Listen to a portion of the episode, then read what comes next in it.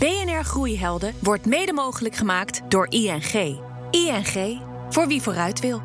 BNR Nieuwsradio. Groeihelden Extra. John van Schagen. Ja, ze zijn razend innovatief, maar hoe doen ze dat eigenlijk? Wat hebben bedrijven als Uber, Coolblue, Netflix en Picnic met elkaar gemeen? Welkom bij Groeihelden Extra. Een reeks podcasts die we maken in het kader van Business Boost Live, het ondernemersevent van het jaar in Rotterdam Ahoy. De komende 20 minuten ga ik in deze podcast praten over innovatieve bedrijven. En dan met name over de vraag: waarom lukt het hen wel waar anderen vroegtijdig stranden? Mijn gast is Patrick van der Pijl van Business Model Inc. Dat is een internationaal adviesbureau voor strategie en businessmodel innovatie.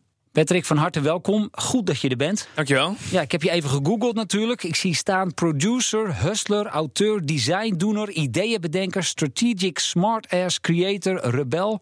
Welke is het meest op jou van toepassing? Ja, ik denk producer. Dus gewoon dingen doen en geregeld krijgen. Ja? Ja. Maar wel een beetje een, een soort van duizendpoot als ik dat zo hier zie.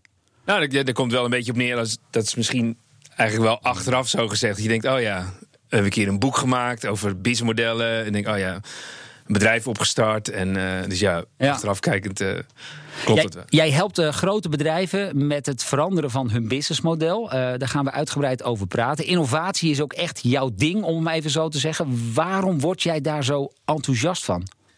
Ja, ik denk dat ik zelf altijd een beetje uh, kriebelig word om uh, na te denken over um, dat dingen ook wel echt anders kunnen. Dus ik stoor me altijd aan zaken die niet efficiënt gaan of uh, niet klantvriendelijk. Uh, of dat er allemaal veel te veel tijd overheen gaat. Denk ik, ja, dat zou wel echt anders kunnen. En daardoor ben ik altijd gefascineerd aan de ene kant hoe bedrijven dat doen, maar ook hoe mensen dan weer op andere, misschien soms wel heel simpele dingen komen ja, om het nog beter te maken. Ja, nou hebben wij in Nederland hier ook altijd, nou laat ik zo zeggen, veel bedrijven hebben de mond vol uh, van innovatie. Hoe doen we het eigenlijk hier in Nederland? Um, ik denk wel dat, um, dat we dat gemiddeld wel goed doen. Ja, het hangt een beetje af met wie je dat gaat vergelijken. Dus uh, ik denk wel vanuit, uit, vanuit oudsher zijn wij een uh, ondernemend volkje. Dus dat helpt heel erg.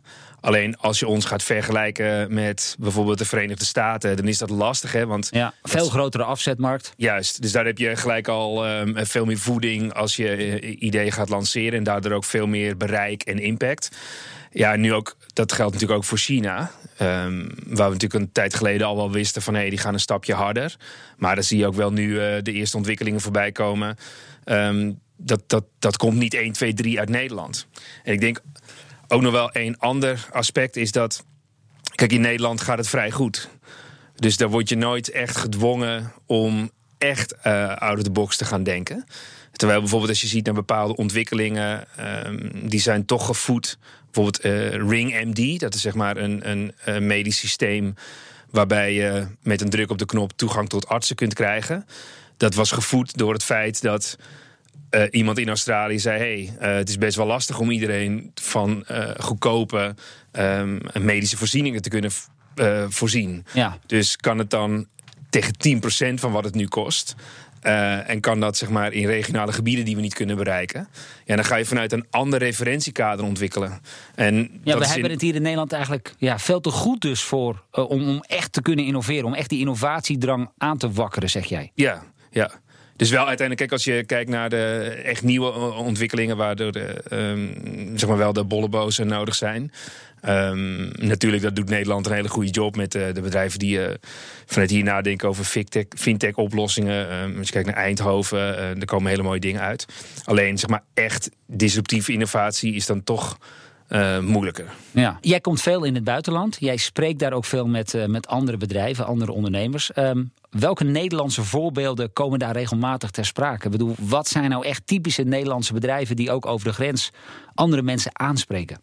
Nou, ik denk wel dat um, wij dan inderdaad het niet zo 1, 2, 3 bij stilstaan. Maar ik denk dat um, ons uh, entertainment exportproduct altijd wel wordt genoemd. Um, zoals de, de uh, DJ's en dergelijke. En de vraag is van, hey, wat is daar nou echt innovatief? Maar bijvoorbeeld ook um, ING-bank, die staat in het buitenland... Uh, met de relatie met wie ik werk altijd heel hoog in het vaandel. Zoals een ING Direct. Ja.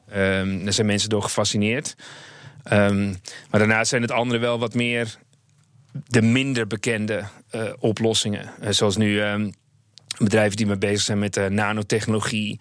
Um, ja, ik denk dat je dat op die manier dat ja. voorbij zien komen. Ja. ja. ik had eerst gedacht, hij zal wel vast en zeker met een bedrijf als Adyen aankomen, maar die noem je nog niet. Nee, uh, maar die, uh, daar heb je helemaal gelijk ja, in. Ja. Dat is ook eentje die voorbij komt. Ja, ja, oké. Alleen wat ik het fascinerend vind, is toch de vraag... hoe is zo'n bedrijf dan in staat geweest om in zo'n korte tijd... uiteindelijk snel dat um, uh, marktaandeel te kunnen veroveren. Dus dat is wel super knap. Ja, en die vraag heb jij je dus gesteld. En wat komt daar dan uit? Ja, je ziet dat um, als je kijkt naar innovatie... dan is één heel belangrijk gegeven.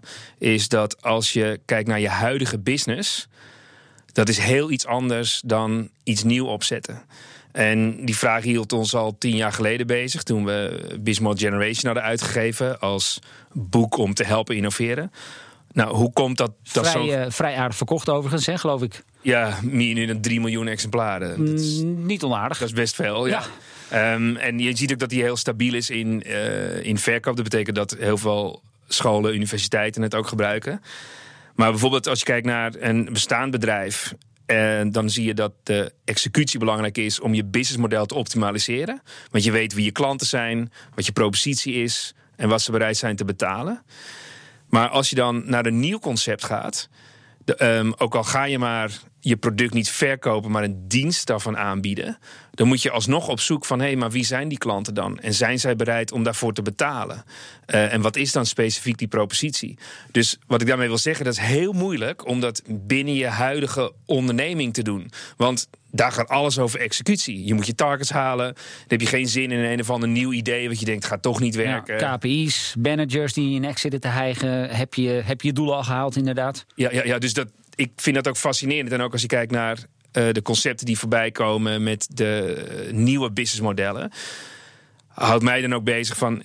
Um, had bijvoorbeeld een VD met een Coolblue kunnen komen?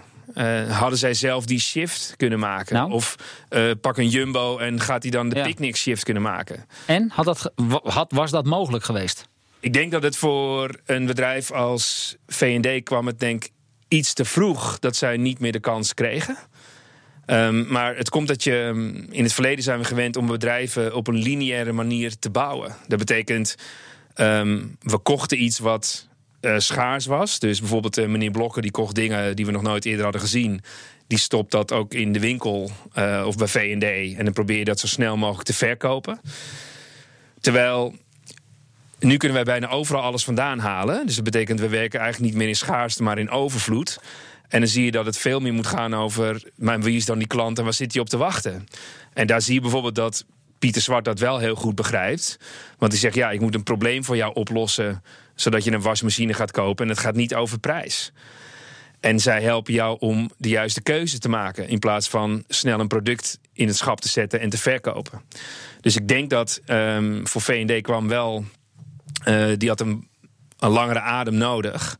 Alleen ja, het kost onwijs veel tijd en energie om dat uh, uh, te organiseren. Ja, je ziet zeg maar de grote innovatie van nu zie je dan met name van de wat jonge bedrijven zie je komen. Ja. Bedrijven die nog geen, ja, laten we zeggen, uh, vijf, soms tien, nou ja, maximaal vijftien jaar bestaan.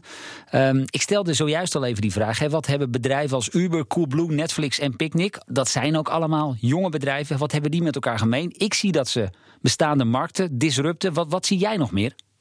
Ja, ik zie eigenlijk dat zij vanuit een heel ander kader uh, denken. Dus als je um, jarenlang gewend bent, neem bijvoorbeeld een, uh, een bestaande supermarkt. Om het spel te spelen, om een heel efficiënt proces te organiseren. Waar je je voorraad kunt managen, waar je het in de schappen zet. Uh, en moet zorgen voor een, een, een, goed assortiment. Zie je dat bijvoorbeeld Michiel Muller vanuit Picnic is gaan nadenken ja, maar wat bestelt die klant nu eigenlijk echt? En kan ik vanuit een hele simpele, eenvoudige app misschien een soort vraaggestuurde distributie gaan organiseren? En dat is een compleet ander model. Dus dat betekent dat, dat als je picknick naast een traditioneel supermarkt zet, is dat er een heel ander assortiment ligt. Um, dat de organisatie anders wordt aangestuurd. Dat je geen supermarkten hebt. Waardoor uh, Michiel uiteindelijk 70% minder afval heeft. En daardoor ook competitief beter kan presteren. Dus de, dat betekent zeg maar, dat, dat het moeilijk is om vanuit een bestaand model die shift te kunnen maken. Ja. Terwijl Michiel vanuit digitaal gaat kijken en nadenkt van nee, vanuit die klant, hoe kan ik dat slimmer organiseren? Ja, nou gebruikt eh, Michiel inderdaad data om onze behoeften te voorspellen. Hij is overigens ook een van de sprekers tijdens Business Boost Live. Uh, dat doet, net, doet, Netflix ook. En dus dat lijkt me ook geen toeval. Dat zie je heel veel bij innovatieve bedrijven die op dit moment uh, zeer succesvol zijn. Juist, dus van als je alle BIS-modellen op een rijtje zou zetten, dan zie je uiteindelijk dat de bedrijven die echt begrijpen wie de klanten zijn.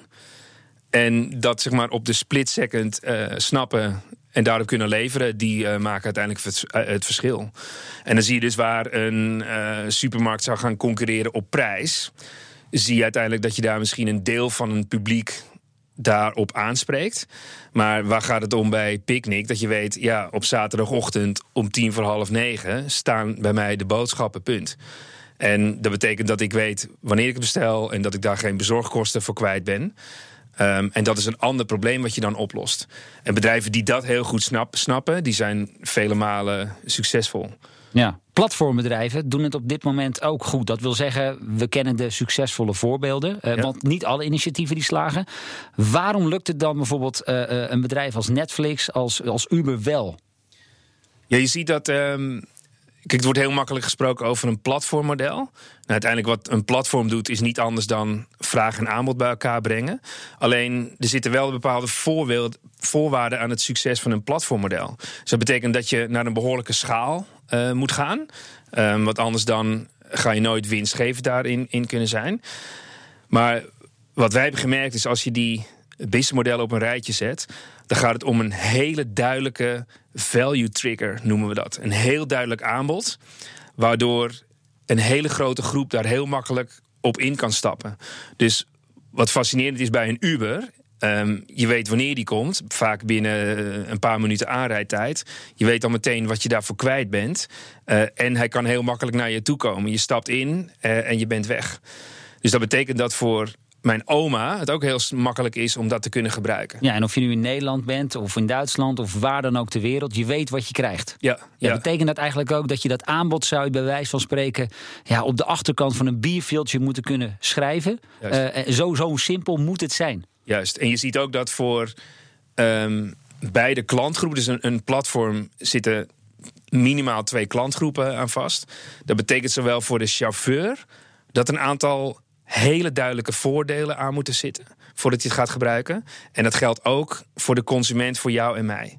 Dus voor jou en mij kunnen we dat vaak wel bedenken. Want je weet van, oh ja, hij rijdt snel aan. Ik weet wat ik van tevoren kwijt ben. Ik kan een review geven. Ik stap eruit en ik word op de achterkant afgerekend. Maar bij een chauffeur zitten er ook wel degelijk voordelen aan vast. Want heel vaak wordt in uh, de pers verteld: ja, maar dat zijn veel te lage lonen. En dat is niet juist.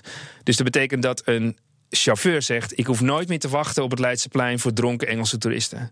Ik kan zelf mijn gasten reviewen. Ik kan altijd rijden. Ik hoef nooit meer te wachten. Ik sprak laatst een chauffeur in Rotterdam. Die zegt: Patrick, ik, hoef, ik, ik, ik rijd 40 jaar. Ik heb 30 jaar gewacht. Hij zegt: En nu kan ik gewoon rijden. En op zondag heb ik mijn administratie al gedaan. Want dat doet Uber voor mij. Hij zegt: En dat het dan wat lager verdien, of wat minder verdien, dat neem ik op de koop toe. Want ik kan hem aan en uitzitten. En dan ben ik aan de slag. Ja. Dus veel voordelen aan allebei de klantsegmenten. En een hele duidelijke ja, waardetrigger, om het zo te noemen. Ja, en die waardetrigger, um, om daar even op in te zoomen. Je ziet nu ook uh, uh, bedrijven ontstaan hè, die bijvoorbeeld uh, vrachtwagens die ergens naartoe rijden en dan weer leeg teruggaan. Hè, om die dan vervolgens via zo'n platform aan, bestaande, aan bestaand aanbod in ieder geval toe te voegen. Je ziet het bij de, bij de binnenvaartschippers. Ja, ja. daarvan zou je zeggen, ja, misschien is dat dan wel te diffuus.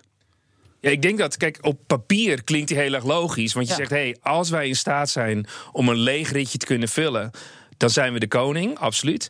Alleen doordat die, dat aanbod diffuus is, dat je zegt, ja, nu gaat hij van Hoevelaken naar Breda. En je denkt, ja, ik moet nou net uh, van Hoevelaken niet naar Breda. Ja dan wordt hij ingewikkeld. Terwijl als hij van de haven van uh, Taipei steeds naar Amsterdam komt, dan kun je hem programmeren. En dan weet je, oh, dit is een heel duidelijk en eenvoudig aanbod. En dan kan je ook naar het volume toe. Dus wat ik wel zie bij ontwerpen van platformen. Uh, je moet heel goed nadenken of je het volume kunt realiseren. En dat gaat gepaard met eenvoud. Nou is het zo dat wij volgende week woensdag zien we ook uh, Corine uh, van TomTom. Uh, is daar ook aanwezig. Dat bedrijf dat heeft al ook een aantal keer een echte duidelijke shift gemaakt. Hè. Begonnen ooit met kastjes. En je ziet ze nu de technologie in de app terug. Um, ja, is dat meteen ook een van de belangrijke succesfactoren van zo'n bedrijf? Dat die ook echt in staat is om zichzelf te blijven vernieuwen? Ja, dat denk ik absoluut. En ik denk ook dat het een uh, voorwaarde is om naar de volgende fase te gaan. Want als zij te lang hadden ingezet op uh, productie van de hardware. Dan was het nu klaar geweest. Ja, en dat is wel interessant van het bestuderen van uh, businessmodelpatronen. Als nu een uh, neem bijvoorbeeld een Philips naar je toe zou komen... die zou zeggen, hey, we hebben nu een hardwareproduct, fantastisch... en dat gaan we in de markt zetten. Dan proberen wij al na te denken over een software toepassing. Want je weet dat als je het kunt transformeren naar een dienst... dan ga je uiteindelijk ook uh, op lange termijn waarde toevoegen. Want anders gaat het puur en alleen over de hardware. En ja, dat kunnen we overal namaken en produceren. En bij TomTom Tom, um, zie je dat als je nu succesvol wil zijn wilt met navigatiesystemen. Dat betekent dat je daar de samenwerking moet gaan zoeken met de. Grote automerken. Met de grote automerken. Uh, met jou en mij die onze data beschikbaar stellen. Omdat je dat zelfrijdende eh, vervoer nooit mogelijk kan maken met een beperkte set data. Dus ik ben ook wel benieuwd om van haar te horen eh, hoe zij dat als TomTom um, Tom Tom zien. Ja. Maar ik denk als zij niet die kant op gaan dan zou ik niet weten waar zij uh, in de toekomst uh, hun geld aan blijven verdienen. Nee, je zegt iets interessants net, namelijk uh, van product naar dienst. die shift zie je meer bedrijven maken. Dirk de Bruin van Swapfiets stond hier onlangs ook nog in de studio. Is ja. woensdag ook de gast in Rotterdam Ahoy. Um, ja, zij leveren eigenlijk ook een dienst. Ja, dat is wel interessant. Dus zoiets simpels als een fiets. Dan denk je, ja, maar om blijkbaar is het probleem voor de consument. Ik heb een lekke band, of hij is gestolen, of uh, er is iets stuk. Mijn verlichting doet het niet. En dan zie je dat er blijkbaar consumenten zijn die bereid zijn om 15 euro per maand te betalen. Omdat zij de zekerheid willen hebben dat die fiets het altijd blijft doen. En um, dan zie je dus dat het verschuift niet meer van dat product te willen hebben, maar gewoon uh, toegang tot het product. En dat hebben we natuurlijk al in het verleden ook al wel gezien. Hè. Zoals BMW is daar al een tijd mee bezig met BMW Drive Now. Dat voorziet met name in de behoefte van de stedelingen die die auto ook moeten parkeren en ook geen auto willen hebben, vinden ze allemaal gedoe. Ja, Philips probeert het ook met licht. Ja, ja absoluut. En, en, en, en de vraag is ook van wat ik bij Dirk interessant vind. Hij heeft blijkbaar een behoefte gevonden dat mensen daar bereid zijn voor te betalen. Ja, en gaat hij dan uh, datzelfde product uitmelken in alle steden en de grens over? Of heeft hij stiekem ook nog wat andere producten in zijn achterzak dat hij denkt van hé, hey, maar dit wil ik ook uiteindelijk wel gaan aanbieden. Ja, nou, ik heb hem diezelfde vraag gesteld uh, onlangs. En het klopt, er passeren soms wel uh, gekke ideeën de revue. Maar hij wil zich wel voorlopig blijven focussen op de fiets. Onder meer ook de elektrische fiets. Um, en ik stelde hem ook de vraag: ja, vind jij nou dat jij door deze shift te maken, want ze zijn in ieder geval ook wel zo begonnen. Maar goed, zij zijn dus een heel, in feite een ander bedrijf dan een bedrijf dat gewoon een product verkoopt. En dus niet per abonnement dus. Toen zei hij: ja, ik denk wel dat wij echt een heel ander type bedrijf zijn. Veel meer gericht op service. Uh, echt een servicebedrijf. Herken jij dat? Ja, dat klopt. Want um, toen we die shifts. Uh, vorig jaar zijn we heel uitvoerig die shifts gaan bestuderen. En dan zie je bijvoorbeeld dat. Uh, dat bij andere bedrijven ook speelt. Dus bijvoorbeeld uh, bedrijven die de grote printerinstallaties verkopen. of grote gezondheidsmonitoren apparaten. Alleen moet je voorstellen, als je altijd gewend bent een transactie te doen en dat te verkopen en dan gelijk weer naar de volgende transactie te gaan, dan moet je ineens met een bedrijf een relatie aangaan om te begrijpen: hey, hoe wordt eigenlijk mijn product gebruikt? Um, hoe kan ik je nog in die tussentijd van dienst zijn? En dan zie je dat je in je DNA dat niet in huis hebt. En dat is, dat is echt heel erg lastig. Ja, ja. Heb je misschien ook wel heel andere mensen voor nodig? Ja, absoluut. Dus je hebt um, andere mensen nodig, andere vaardigheden, maar ook um, andere vorm van financiering. Dus bijvoorbeeld als Dirk aanvankelijk alleen maar fietsen had verkocht, dan moet hij nu ineens nadenken: ik verkoop ze niet meer, maar ik ga het bedrag uitsmeren over de komende twee, drie jaar. En dat is ook wel een financieringsvraagstuk wat we bij steeds meer partijen zien. Ja. Die zeggen, ja, ik kan die shift misschien wel maken. Maar ja, uh, hoe ga ik dat financieel dan organiseren? Ja, aan de andere kant uh, kun je ook stellen... je hebt wellicht een wat veiligere cashflow... want je bent voor de komende tijd wel... weet je redelijk wat er binnen gaat komen. Ja, dat klopt. Ehm, en dat is, dat is wel interessant dat je dat zegt, want dat gaat dan ook zeg maar, naar een andere manier van je financiële huishouding organiseren. Dus dan gaat het veel meer over: ben je in staat om die um, conversie uh, te organiseren of om zeg maar die klanten aan boord te houden. En dan heb je niks aan een verlies- en winstrekening van het afgelopen jaar. Nee, dan wil je kijken wat er het komende jaar het komende jaar gaat lopen, ja. Ja, ja. Hey, tot slot nog even. Ik wil het toch nog even met je hebben over uh, Armin van Buren. Uh, DJ, een van de ja, hoofdgasten aankomende woensdag. Um, ook iemand die zichzelf steeds moet blijven vernieuwen. Ja, wat kunnen ondernemers eigenlijk leren van, van dat succes? Ja, ik denk dat um, wat, wat ik fascinerend vind is dat um, als je DJ bent, dan heb je zo'n directe relatie met jouw klant. Uh, dat is één. Dus uh, de muziek die je draait, zie je gelijk een reactie of mensen het wel of niet leuk vinden. Um, dat is één ding. Alleen als je kijkt naar uh, de, de veranderingen van businessmodellen, dan is de muziekindustrie eigenlijk een van de eerste die gelijk omging. Dus waar wij gewend waren ja, een, uh, muziek op een drager te kopen als een CD. Werd ineens door uh, iTunes dat per nummer aangeboden. Um, hadden we ineens piracy en kwam Spotify voorbij. En wat ik interessant vind zeg maar, aan Armin, dat hij gelijk is gaan nadenken van hé, hey, maar hoe kunnen wij nou als artiesten niet daar tegenin vechten? Maar gebruikmakend van het feit dat mensen naar streaming kijken. Um, door um, op een andere manier zeg maar, je muziek aan te gaan bieden. En wat hij al heel erg lang heeft, dat is zijn eigen uh, streamingprogramma. Echt al heel erg lang. Terwijl in het begin, kijk, nu kun je makkelijk spreken van uh, dat is een show en die draait al heel erg lang. En dat, ja, uh, waanzinnig populair. Ja, alleen destijds was dat echt um, pionieren. Ja. En was hij een van de eerste die dat ging doen. Um, dus ik ben benieuwd wat hij nog meer daar uh, te vertellen heeft. Maar ik denk dat de industrie waarin hij uh, beweegt is buitengewoon interessant. En hij had ook kunnen zeggen: Ja, ik ga daar tegenin, want ik ga er tegen vechten, want uh, dit is oneerlijk. Maar hij is gaan kijken: Ja, maar hoe kan ik dat op een andere manier ontsluiten en zelf daar uh, waarde toevoegen? Ja, omarm de vernieuwing in ieder geval. Ja. Zoveel is duidelijk. Dankjewel uh, voor dit gesprek. Patrick van der Pijl van Business Model Inc. Wil je nou meer weten over Business Boost Live? Ga dan naar de website businessboostlive.nl. Ja, en dan toch ook nog even tot slot een andere luistertip. In onze BNR-app vind je namelijk alle podcasts van Groeihelden terug. Zeker de moeite waard dus voor wie vooruit wil met zijn bedrijf. Tot de volgende podcast. En tot die tijd zeg ik lekker blijven doorgroeien. BNR Groeihelden wordt mede mogelijk gemaakt door ING. ING, voor wie vooruit wil.